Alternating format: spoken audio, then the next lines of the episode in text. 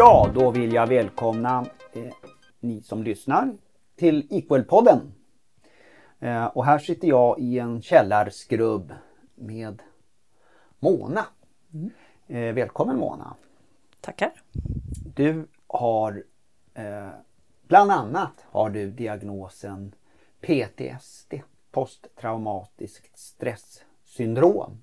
Mm. Och den fick du ganska nyligen. Eh, hur fick du den? Hur jag fick den? Eh, jag hade varit utbränd väldigt länge och sen hade man sett eh, indikationer på att jag hade PTSD för över ett, ett och ett halvt år sedan. Men man gjorde ingenting med det. Så det var inte förrän nyligen när jag själv bråkade om att jag ville ha en utredning på det som jag fick det. Vad var det för indikationer de såg för? Eh, ja, man gör ju olika typer av basutredningar när man kommer inom psykvården. Eh, och där vet jag att det hade indikerats i första basutredningen men man gjorde ingenting med det utan man tog bara resultaten och kopierade, klistrade in i journalen och sen var det ingen som tittade på dem. Men jag har begärt ut alla journaler så jag har sett att det fanns med där från början men man gjorde ingenting med det. Eh, och sådana indikationer ska ju leda till att man gör en fördjupad utredning men det, det gjorde man aldrig. Eh, Och det, och man, man kan säga att det, det vi pratar om här det är ju ja, nu, nuvarande Region Stockholms psykiatri då, då som, som har gjort, eller Psykiatri Södra, ja, som, som har gjort den här basutredningen och som ändå har funnit fynd men väljer att inte gå vidare med ja, eller Har du fått någon förklaring varför man valde att inte göra det? Eh, nej, det har man inte. Eh, eh, nej, men man, man ville skriva ut antidepressiva till mig och så skulle jag sitta hemma och magiskt bara bli friskare. Och, och eftersom mina omständigheter gjorde att det var i stort sett omöjligt så... Eh, Du blev alltså inte friskare? Nej, jag blev sjukare och sjukare i, i och med att jag fick ingen hjälp. Eh, och sen så åt jag ju då en viss typ av hjärtmedicin som man kanske helst inte ska eh, mixa med viss antidepressiv medicin. För att du hade, du hade eh, ska säga, inom, ja, en, en kort, eh, för att göra en lång historia kort då, så hade du har jobbat dig eh, in i väggen och till på köpet fick du ett hjärtfel också så att du gjorde en ganska stor hjärtoperation. Ja, precis. Ja, den där största man kan göra. Eh, så- Som ju också är känd för att den brukar skapa depression. Va? Ja, det är det. Och, och där har jag faktiskt varit med i en undersökning som Karolinska gjorde just på hjärtpatienter för att kika på depression och hjärtoperationer, hur de hänger ihop. Eh, Så den har jag medverkat i. Eh, Och det vet jag att jag nämnde innan hjärtoperationen där att jag hade depressionssymptom och så vidare. Men där fick jag inte heller någon hjälp in, inför hjärtoperationen utan då, då påstod Karolinska att de hade ingen psykolog man kunde prata med eller så. Det, då, då hamnade man, man blev liksom tillbaka slängd hemma och skulle sitta i sin vrå. Med dina antidepressiva och bli Ja. frisk. Precis. Mm. Vad var det för, alltså misstänkte du själv att du hade eh, en PTSD-skada eller en du, du sa att de gjorde fynd, kände du igen de här fynden? Ja, det gjorde jag. Vad, Eh, var det för, vad var det för fynd de hade gjort i den här basutredningen? Eh, det var ju ett ganska kort sammandrag där just från basred, basutredningen går ju inte så detaljerat in i saker utan den, den ska ju liksom bara ge små indikationer på någon typ av diagnos som man eventuellt kan ha och den lilla indikationen ska då ge vården eh, eh, Eh, ett tecken på att här borde man göra en djupare utredning. Eh, jag tänkte ju inte så mycket på det just då utan jag tänkte att jag hade en depression. Men sen så kunde jag ju liksom se hur jag själv förändrades ju, ju värre min situation blev och ju mindre hjälp jag fick. Att, att jag liksom, jag var inte mig själv längre utan jag kunde liksom bli explosivt arg. Från att ha haft en ängels tålamod kunde jag liksom explodera på en sekund och liksom skrika och vara riktigt arg och liksom, jag har aldrig heller varit en, en typisk sån här som blir rädd för mycket saker och helt plötsligt så var det liksom såna här små saker som, som kunde göra att ja, men man fick sån här eh, känsla, alltså kårar i ryggraden för grejer liksom, som, som fick en att hoppa till för minsta lilla när man var ute med hunden. Och liksom, ja, det var saker som man liksom inte kände igen med sig själv. Som, ja, man var på helspänn hela tiden och sån har jag aldrig varit förut. Och det var liksom katastroftänk och, och sådär. Så, så det var mer att jag själv började nysta i att det här stämmer inte. Och så kände jag lite från tv till vad PTSD kunde vara och då kikade jag mer på det och det här verkar ju stämma på mig. Och då var det jag själv som började dra igång det här med, med att eh, det kan inte bara handla om en depression eller utbrändhet. Det måste vara något mer här. Eh, men jag fick inte så mycket gehör för det. Man ville helst inte göra så mycket utan det var här har du din burk med antidepressiva, gå hem nu. Och så ses vi om en månad. Och så höll det på i ja, två, två och ett halvt år. Mm. Två och ett halvt år? Mm, tills jag träffade er. ja. Mm. Alltså hur, hur um, har de där två och ett halvt åren varit? Det... Ja, det har ju varit, eh, ja, det har varit ren tortyr. Eh, alltså min situation har ju varit eh, katastrofal med tanke på jag fick ju ingen hjälp av myndigheter. Jag satt ju i stort sett och svalt samtidigt och jag fick ingen gehör för det. Liksom. Och du kan inte må psykiskt bättre om, om du inte får mat i dig. För det var helt enkelt så att SOS vägrade att ge dig, du, du kunde inte ens ansöka om försörjningsstöd enligt dem? Nej, de nekade mig att ansöka på grund av att jag hade en F-skattsedel. Mm. Eh, och det, det, var bara blankt nej, jag fick inte ens komma dit. Eh, fick inte ansöka, det var bara blankt nej. Du var tvungen att avveckla innan du ens fick komma och ansöka. Men då tänker jag så här, då sitter du alltså, du sitter i en situation, du är, du är utbränd. Mm. Du har just genomgått en stor, stor hjärtoperation med välkända ska säga, psykiska bi, biverkningar, bieffekter. Eh, du har en, en, en liksom diagnostiserad depression och en diagnostiserad eh, PTSD. Och du blir i den situationen hänvisad till en burk med antidepressiva och att sitta hemma. Och det är det du gör i två och ett halvt år. Ja, alltså det börjar ju hos vanliga vårdcentralen. Att, att eh, det var en läkare där som, som tyckte att eh, han skulle fixa det därifrån. Så han, det började ju där med att hans, hans lösning på det hela det var ju antidepressiva. Då. Eh, och så var jag ju utbränd i botten och så hade jag ju bett om att få gå någon typ av stressrehab då. Men på stressrehab ville man inte ta emot mig för att jag skulle hjärtopereras. För, för det skulle ingå lite fysisk aktivitet där och då var de rädda för att på grund av mitt hjärtfel att jag skulle ramla ner och dö. Så, så då fick jag kalla handen där och då var det ytterligare eh, i stort sett alla pekade bara på att jag skulle sitta hemma och vänta. Och vårdgarantin fungerar ju inte som den ska heller. Det här med, och jag hade ju, hade de konstaterat, hade ett akut hjärtfel, men då satte någon på SÖS förblindade sig på min ålder, att jag bara var 40 år och då, då behövdes ju ingen akut operation fast det var fem specialister som hade sagt det. Så då skulle jag vänta på så kallad normal väntetid för att få operationen. Och det finns ingen normal väntetid så jag tror jag fick vänta närmare nio månader. Under de nio månaderna så var det liksom allmänläkaren som slängde till mig antidepressiva och stressrehab kunde inte hjälpa mig med mitt mående för att de var för rädda att jag skulle ramla ner och dö av mitt hjärtfel. Så det vart lite som ett moment 22. Lösningen var ju att jag skulle i stort sett bara sitta hemma och så skulle man låta tiden gå an. Och det fungerar inte. Eh, och med tanke på den ekonomiska biten då som också har varit sämre på grund av en lång historia där jag hade problem med Försäkringskassan som inte ville betala ut sjukpenning för att en läkare hade fyllt i ruta 3 istället för ruta 4. det här är som en, det här är som en parodi. Ja men det är en parodi. Och hur, hur ja. man som en, en jävligt svag och utsatt medborgare blir misshandlad av alla förekommande myndigheter. Ja, inklusive absolut. hälso och sjukvård måste man Ja, ja, säga. och det finns ju ingen logik och där ska du sitta hur trött som helst och försöka resonera med de här myndighetspersonerna. Och jag vet att Försäkringskassan ville sänka min sjukpenning fast jag inte hade fått min hjärtoperation.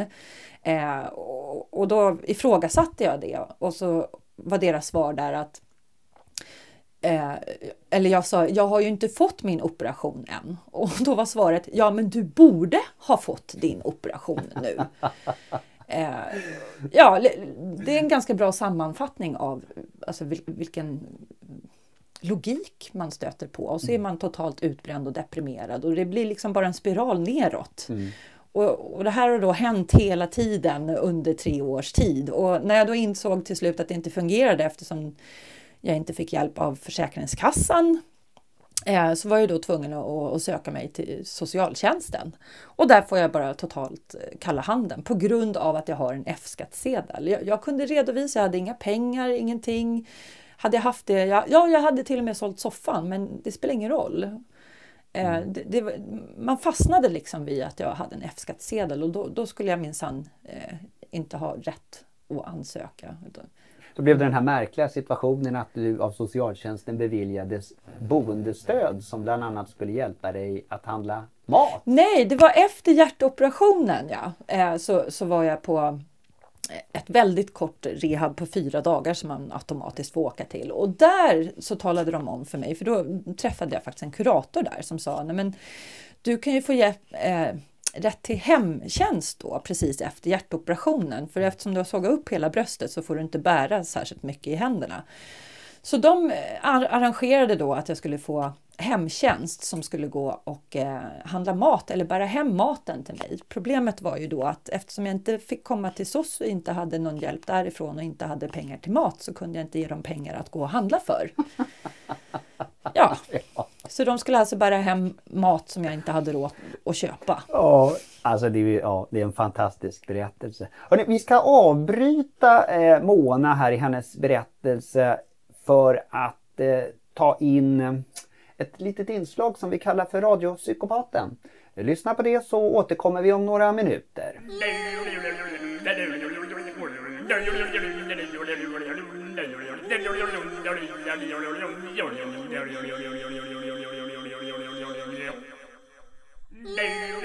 Välkomna till Radiopsykopaten.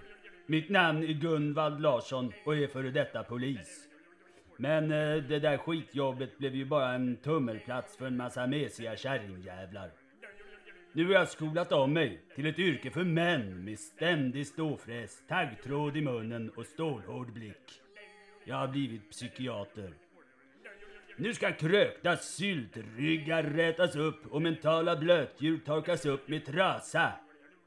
Nu lanserar jag podden Radiopsykopaten i direkt konkurrens med den där tönten i Sveriges Radio som jag inte ens vill nämna vid namn. Ring in bara så ska jag berätta för er hur ni ska lösa era så kallade problem.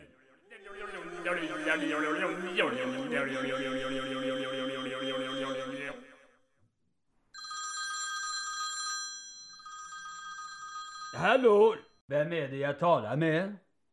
Det är jag. Och vem är lilla jag då? Och vad är lilla jags problem som Bamsefar ska lösa?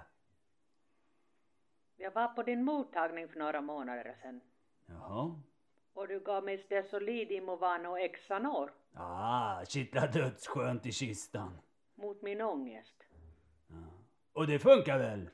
Du har väl aldrig mått bättre? Till, till en början, ja, men, men nu har det slutat funka. Jag måste ta mer och mer för att få någon effekt. I annat fall mår jag dåligt. Ja, men vad gör det då? Eh, vad är problemet? Jag kan skriva ut mer doser till dig, inga problem. Jag kan dubbla på med lite tramadol också. Lite tralala som vi brukar säga nere på Stureplan. Eftersom man blir lite sån i huvudet om man överdoserar, vilket jag varmt kan rekommendera. Jaha, då säger vi det. Vi dubblar allt och plussar på med lite tramadol. Så ska du se att du kommer må som en lövskata inom några timmar.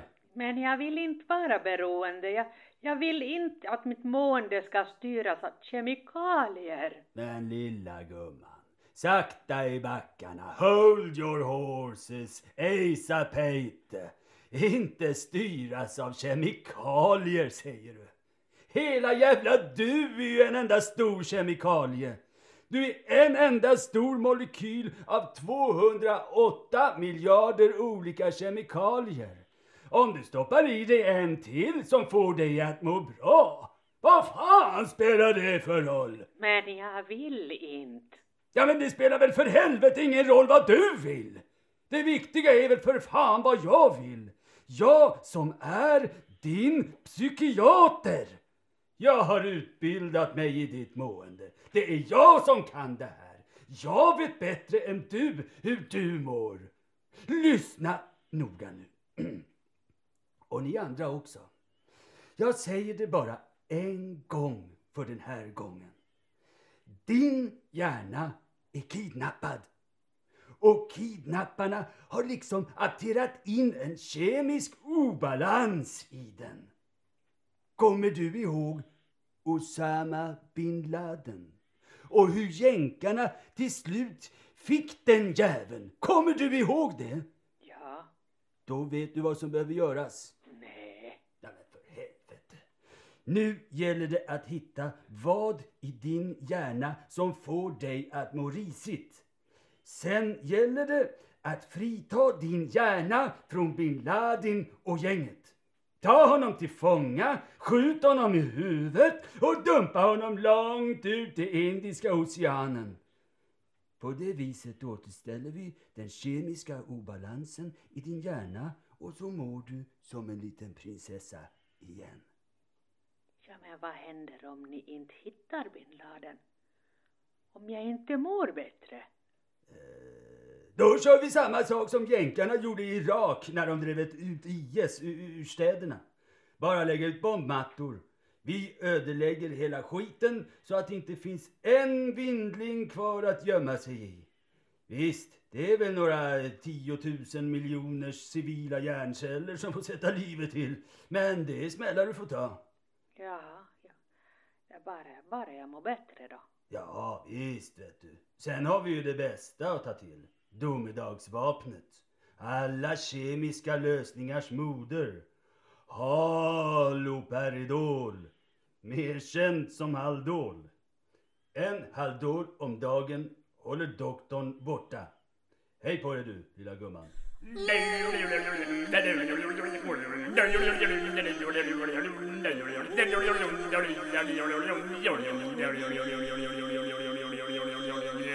Då lyssnade vi färdigt på det.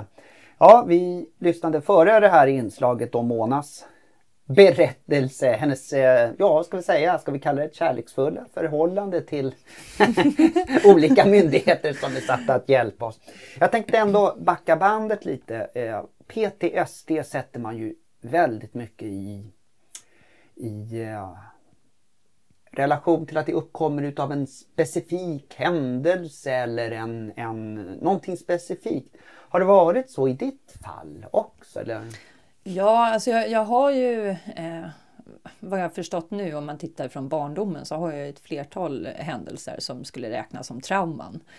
Men det är ju ingenting som har utlöst PTSD hos mig tidigare och jag är ju ändå 40 år. Eh, så från mitt håll så måste jag ju säga att det är just det här myndighetsmissbruket, liksom den här långvariga svälten, att jag inte fick hjälp någonstans. Det var ju det som löste ut min PTSD. Eh, och sen när jag ja, började bråka om att jag tyckte att de skulle göra en, en PTSD-utredning på mig, då fick jag ju höra att jag hade för många trauman. Och att jag var tvungen att välja ett trauma för att man skulle kunna göra PTSD-utredningen. Och då var det ytterligare en ursäkt för att inte göra någonting från vårdens håll då. Utan då skulle jag hamna i limbo en gång till då. Att är det så att du inte vill välja ut ett av dina trauman, då kan vi inte göra någon utredning på dig. Ja, det är ju häpnadsväckande. Mm. Men, men så, att- så att liksom innan den här, ska man säga, krisen då eh, som du har ja, kanske egentligen levt i under de sista tre åren eller något liknande. Då har du inte känt av eh, alltså de här trauman som du hade från barndomen. Du har inte, de har inte stört dig eller? Nej, alltså jag tror jag, jag har ju haft depressiva perioder men det är ju ingenting som liksom har varit till något stort problem i mitt liv eller i arbetslivet eller socialt eller eh, absolut ingenting som har stört mig eller, eller hi- hindrat ett normalt fungerande liv. Liksom. Utan det, det, jag är 100% säker att det har utlösts på grund av eh, alla problem som jag har stött på Jag efter. ska säga, den sammanlagda tyngden utav alla de här problemen alltså, som du har haft. Med, alltså, alltså dels med operationen som såklart är en stor påfrestning. Dels eh, sättet du har blivit bemött och behandlad på utav eh, hjälpande myndig, så kallat hjälpande myndigheter. och eh, sjukvården. Det, det är din analys. Ja, det är min analys. Vad, alltså när du, nu har ju du genomgått en, en, en utredning. Mm. Eh, har du pratat om den här analysen med den personen inom sjukvården som har hjälpt dig med den här utredningen? Eh, ja, alltså jag hade ju turen att jag bråkade så pass mycket så att utredningen fick ju då göras på en annan enhet inom vården. Eh, och där kom man ju fram då till att jag hade PTSD. Eh, det, det, var ingen snack om saken när utredningen väl var, var klar. Eh, och som sagt att, att jag hade väldigt många olika traumatiska händelser som man kunde föra upp. Det var väl snarare så att vi tog inte upp alla händelser i den därför att ja, det finns begränsat utrymme i de här utredningsunderlagen eh, eh som ska fyllas i. Så att vi fick liksom välja lite, okej okay, vilka, vilka trauman ska vi ta upp här? Mm. Eh, så att jag har PTSD råder det ingen tvekan om. Eh, snarare det som jag kan reagera på det är ju när jag berättar om det här myndighetsmissbruket och att jag själv upplever det som ett stort trauma. Så vill man gärna säga att nej men det kan inte orsaka trauma. Vilket jag har lite svårt att förstå.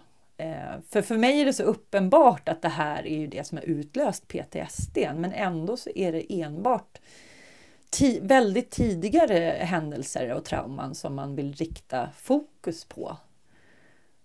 Ja, jag har lite svårt att, att ta in det där riktigt. Ja, hur känner du inför det? Eller, ja, alltså, påverkar det din Påverkar det din syn på behandlingen? Eller alltså hur, ja, hur inverkar det där?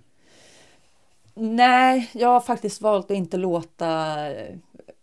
Alltså någonstans måste man också välja att, att lita lite på vården. Och just den här enheten som, som har gjort utredningen på mig och som nu ska göra den här PTSD-behandlingen, de har varit väldigt bra. Mm. Så lite får man ju... Jag kan ju tycka vad jag vill och anse vad jag vill och ha åsikter om saker. Eh, men samtidigt för att den här behandlingen ska fungera så måste jag någonstans lägga förtroendet hos de som ska behandla mig. Så jag funderar inte så mycket på det. Jag har kvar mina åsikter och vad, vad jag anser mm. har liksom utlöst min PTSD. Men... Så släpper du, du koncentrerar dig på att släppa taget på något vis? Ja, eller? det gör jag. Mm. Eh. Klart, det måste vara svårt där, men om man har fightat sig mot myndigheter och sjukvården i tre år och liksom är van vid att få på det här mot, alltså få kämpa och slita för att få någonting, att då släppa taget i någon. Det är klart det måste vara svårt att det måste vara svårt att göra det. Det är jättesvårt. Eh, och där brottas man ju invärtes hela tiden. Eh, men det... Alltså på något sätt så får du välja dina strider för du, du är så trött. Du är så otroligt trött. Och jag menar den här historien slutar ju inte. Det är ju myndighet efter myndighet efter myndighet. Eh, som ju liksom och det är väl därför det har tagit så lång tid, liksom, att du hinner precis komma tillbaka på fötterna. Så är det nästa myndighet som börjar bråka på grund av mest den här F-skattsedeln då. Mm. Eh, så hos mig har det blivit lite grann sådär att ja, någonstans måste man släppa taget på något sätt och bara koncentrera sig på okej, okay, nu blir det den här PTSD-behandlingen så att jag förhoppningsvis kan må bättre och få tillbaka min energi och rikta mig mot att må bättre bättre i sammanhanget. För ja, ja, det blir en invärtes liten sån här kontrovers. Så. Ja, det var samma. Jag vet inte hur man stänger av telefonen. ja. Eh, äter du fortfarande dina antidepressiva eller? Nej, eh, efter hjärtoperationen så tyckte vården att de skulle laborera med en massa olika typer av antidepressiva. Och eftersom jag åt eh, blodförtunnande och kommer göra resten av livet, eh, vilket då om du äter antidepressiva kan öka blödningsrisken. Och eftersom vården utan godkännande från hjärtspecialisterna ville prova nya typer av antimedicin utan att kontrollera, utan uppföljning så valde jag att då, då skiter jag helt enkelt i att ta antidepressiva. För jag kände, har jag gått igenom en hjärtoperation och överlevt den så tänker jag ju inte dö av, av, av liksom en läkares slarv för att de inte orkar kolla upp medicinen och hur den bråkar med min hjärtmedicin. Mm. Eh, och de, de visade liksom, inget intresse där av, av vilka komplikationer eller vilka risker att det faktiskt kunde försätta mig i, i livsfara att kombinera de här Utan olika. de körde på. De körde bara på. Och där var väl min räddning, vilket jag förstod ganska tidigt, att det är jag som har ansvar för att se till att jag överlever, för det är så mycket slarv. Så om jag inte själv kollar vilka mediciner som fungerar och eventuellt inte och inte protesterar, då skulle de slänga till mig precis vad som helst utan att kolla. Och- Det är du själv som patient som ska vara ansvarig för att den medicinska säkerheten Ja. uppfylls. Ja. Och mycket upplever jag att de är väldigt hemmablinda. För, för du, har ju, du har ju ett system inom vården för, för just det här med kombination av olika läkemedel och vilka risker de finns om de kom, eh, kombineras som heter FASS. Eh, och I det här FASS, det kan en vanlig människa gå in och titta i också. Men, men grejen är att det som du privatperson kan gå in och läsa om är en sak. Och sen har du en djupare del som bara läkare kan komma in och titta i. Och oftast så sitter läkarna och tror att du kommer åt samma information som de gör. Och då blir det gärna så här, ja men du kan ju bara gå in och titta här i FASS. Vilket du ju inte kan. Det finns ju ett pass för vårdpersonal också som man kan klicka på. Ja, Eh, även som privatperson. Mm. Så, men det är ju på läkarsvenska så att säga. Eller läkar och latin och svenska. Och, ja, ganska komplicerat. Jag tänker på Du ska nu börja få behandling för, ditt, för din PTSD. Mm. Vad förväntar du dig? Alltså jag har egentligen inga förväntningar. Det har, det har blivit lite grann så att det har gått så lång tid och eh, Har dina symptom på PTSD förändrats eh, när du på något sätt eh, fick reda på att du hade PTSD? nej, det, det vart bara en bekräftelse på i stort sett vad jag redan visste. Men du kan fortfarande bli så här, omotiverat rädd, omotiverat förbannad. eh, Oh ja, Allt det här. oh ja. Eh, ja, det händer ju hela tiden. Alltså det, det, om du får möjlighet att, och liksom kunna, kunna vila lite när, när liksom omständigheterna gör att du faktiskt kan slappna av lite, då blir det ju bättre. Men när någonting händer, alltså en ny myndighet som börjar bråka och hota med någonting, eh, då åker det ju upp på full skala igen. Liksom. Och då räcker det med att du går ut med hunden och så är det några löv som rasslar så blir du liksom, du känner hela ryggraden liksom, ungefär som att någon är, står bakom och ska slå ihjäl dig. Liksom. Så rädd blir du fast av ingen anledning.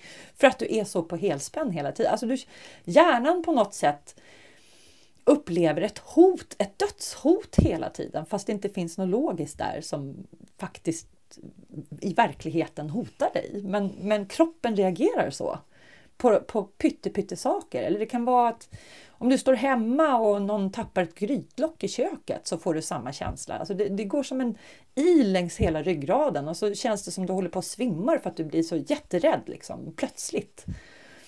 Och det, det kan man ju förstå liksom logiskt att det, fin, det, det finns ju ingenting logiskt där att bli så rädd för. Men kroppen reagerar automatiskt på det och det är ingenting som du styr över utan det bara händer. Ehm, Ja, det måste ju vara oerhört skönt att kunna bli av med det. För att det låter ju tämligen handikappande. Alltså, ja, det är det. Men eh, du, du har än så liksom ändå framtiden med, med, med tillförsikt och att nu kommer det att funka med den här, med den här eh, behandlingen. Ja, För alltså, att det har börjat så bra hittills med utredningen och så. ja, och sen så i och med att det kommer utföras på en ny enhet som jag har väldigt bra kontakt med eh, så, så blir ju det mer lovande. Den förra enheten som ju i stort sett inte har gjort någonting under två år. Där är ju förtroendet helt brutet. Så där kände jag att skulle de ha hållit i den här behandlingen så, jag menar en behandling bygger ju på förtroende för behandlaren och det var helt bränt. Eh, så det här blir lite grann som att starta på nytt eh, med, med någon som man har förtroende för. Och hittills har jag bara sett bra saker och jag har bara hört från andra som har gått PTSD-behandlingen att de upplever det som väldigt bra. Och då utgår jag ifrån att det kommer vara bra för mig också. Ja, vi får se hur det går. Tack för att du tog dig tid Ja, men tack till själv. den här podden. Ja, tack. Och ja, vi hoppas på nya avsnitt och nya intressanta berättelser om hur folk ha det i mötet med psykiatrin, socialtjänsten, Försäkringskassan och samtidigt som man har en massa problem av olika slag. Tack för att ni lyssnade. Hej!